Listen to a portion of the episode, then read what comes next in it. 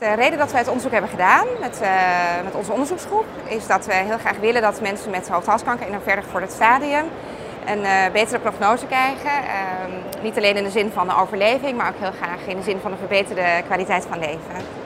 We hebben ons bij dit onderzoek uh, eigenlijk gericht op mensen met een hoofdhalskanker in een verder gevorderd stadium van de mondholte of van de keel. Van de keelholte, dat zijn T3, T4 tumoren, al dan niet met metastase in de hals. En deze mensen krijgen voorafgaand aan chirurgie, dus ze moeten indicatie hebben voor chirurgie, krijgen ze neoadjuvante immuuntherapie.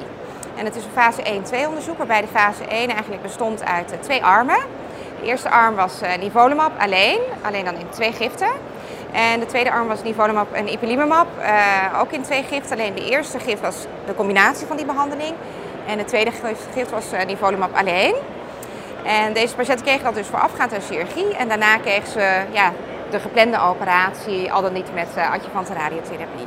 De belangrijkste resultaten van het onderzoek zijn dat we zien dat uh, inderdaad bij een adjuvante immuuntherapie uh, op het moment van de ingreep eigenlijk een belangrijk, bij een belangrijk deel van de patiënten ook een belangrijk deel van de tumor is verdwenen. Dus meer dan 50 of meer dan 90 procent en soms helemaal.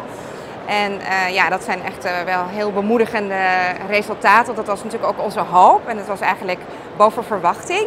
Uh, dat zelfs binnen enkele weken de immuuntherapie zo goed uh, werkt. En we zien ook, uh, als we het wezen dan onderzoeken in het laboratorium, dat het immuunsysteem, het afweersysteem van de patiënt zelf ook echt daadwerkelijk wordt geactiveerd. Met name als je de combinatie geeft van nivolumab en ipilimumab.